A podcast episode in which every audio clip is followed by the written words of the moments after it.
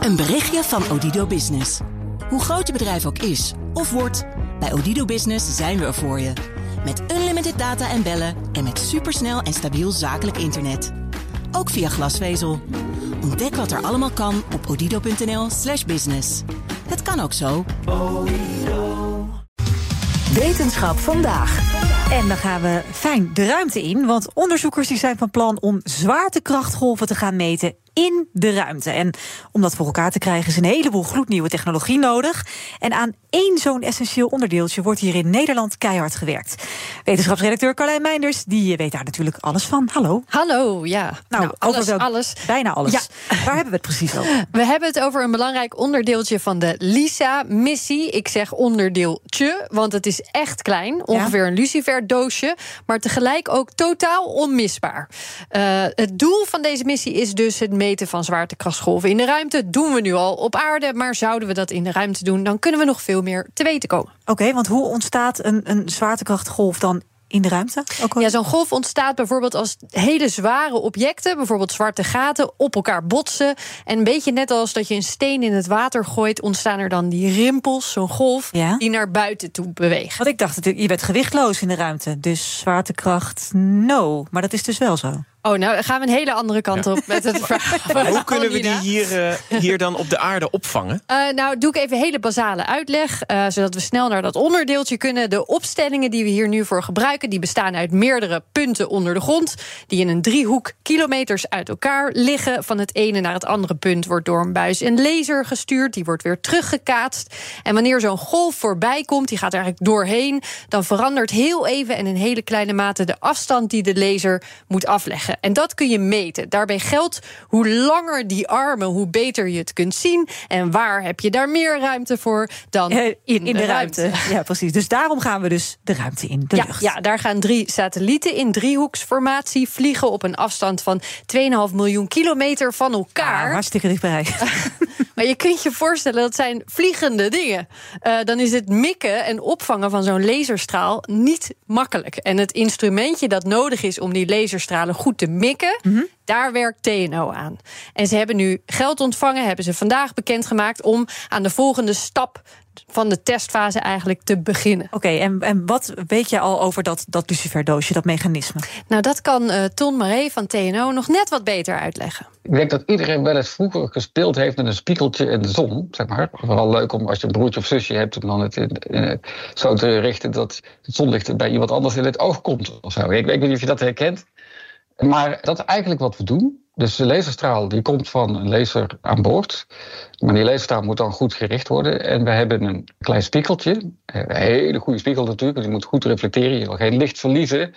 En dat spiegeltje moet zo eh, gericht worden dat die laserstraal dan vervolgens op dat spiegeltje kaatst, naar buiten gaat en dan de goede richting op gaat.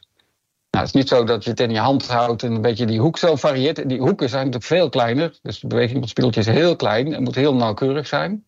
Eh, dus dat spiegeltje kan je zodanig goed positioneren dat je die laserstraal zo nauwkeurig kan richten. Stel je staat in Groningen, dan kan je een mug op de Euromast in Rotterdam aanwijzen met die dat is wat je doet. Wauw. En TNO maakt dan eh, ja, eigenlijk een spiegeltje zoals jij en ik het thuis of in de handtas hebben? Nee, dat is zeker niet hetzelfde. Ze kunnen het bij TNO ook zelf maken, maar dit, in dit geval hebben ze er een gebruikt van een gespecialiseerd bedrijf dat het maakt. Het ligt er een beetje aan wat je voor kwaliteiten uiteindelijk wil, of ze er misschien nog een betere versie zelf van gaan maken. En dit kan van eh, aluminium gemaakt worden.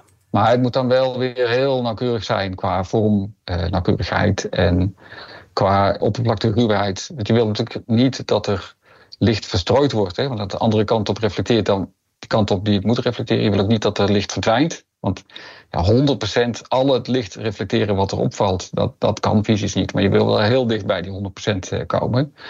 Dan praat je over 99,9% of zo, of eh, 99,5%. Ja, dat is hartstikke dichtbij natuurlijk. Uh, je wilt eigenlijk zo goed mogelijk kaatsen en zo min mogelijk licht in dat spiegeltje laten verdwijnen. Gaat het ook weer van opwarmen, wil je niet. Dus glad en plat is de truc eigenlijk. En dan wil je dat spiegeltje nog kunnen bijstellen. Dat hoorde je al even met hele kleine bewegingjes van micrometers. Dat is een duizendste van een millimeter. Dus mhm. dat, dat mechanisme daarachter zouden we ook weer een hele aflevering over kunnen maken. Maar allebei lukt het ze dus. Volgende stap voor dit team, dankzij die subsidie, is onder andere dit allemaal gaan testen in nagebootste ruimteomstandigheden. Ja, en het lijkt me ook een vrij dure exercitie. Ja, dit is ook niet de enige partij vanuit Nederland die hier aan werkt. Die werken weer, wordt er in andere onderdelen uh, gewerkt. Dus inderdaad, niet goedkoop. Nee, en waarom willen we dit als Nederland zo graag doen? Valt hier bijvoorbeeld heel veel geld mee te verdienen als wij dit, dit deeltje ontwikkelen? Ja, er zijn verschillende redenen voor. We willen uh, onze expertise natuurlijk laten zien en gebruiken. Mm uh, we willen een stoel aan die tafel. Want uh, als je bijdraagt aan zo'n missie, betekent dat vaak ook dat je met die onderzoeksdata aan de slag mag als een van de eerste. Ja, ja. Levert ook technologie op die weer heel interessant is voor de industrie. Dus daar zit meer het maatschappelijke en het economische gedeelte. Zoals in een toepassing waar ook al aan wordt gewerkt door TNO, lasercommunicatie. Dat ook communiceren met behulp van licht in plaats van radiokroppen. En die lichtstralen moeten ook precies op de goede plek uitkomen. Ja, dus dat richtmechanisme dat komt nu al van pas eigenlijk in andere takken van sport. Hey, en dit heette de LISA-missie? Ja. Als ik het goed heb onthouden. Eh, wat wordt nu de volgende stap?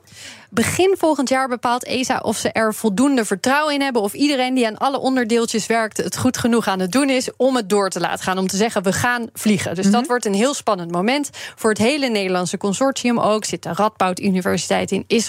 Esron en NICEF werken aan de ogen bijvoorbeeld van Lisa. en als ogen, joh. Ja, ja, ja, en als dan een go wordt gegeven, duurt het ook nog wel even voor de lancering is. Die staat nu voor 2030 gepland.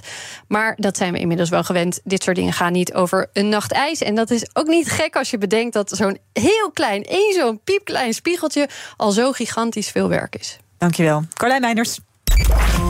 Een berichtje van Odido Business. Hoe groot je bedrijf ook is of wordt, bij Odido Business zijn we er voor je. Met unlimited data en bellen en met supersnel en stabiel zakelijk internet. Ook via glasvezel. Ontdek wat er allemaal kan op odido.nl/slash business. Het kan ook zo.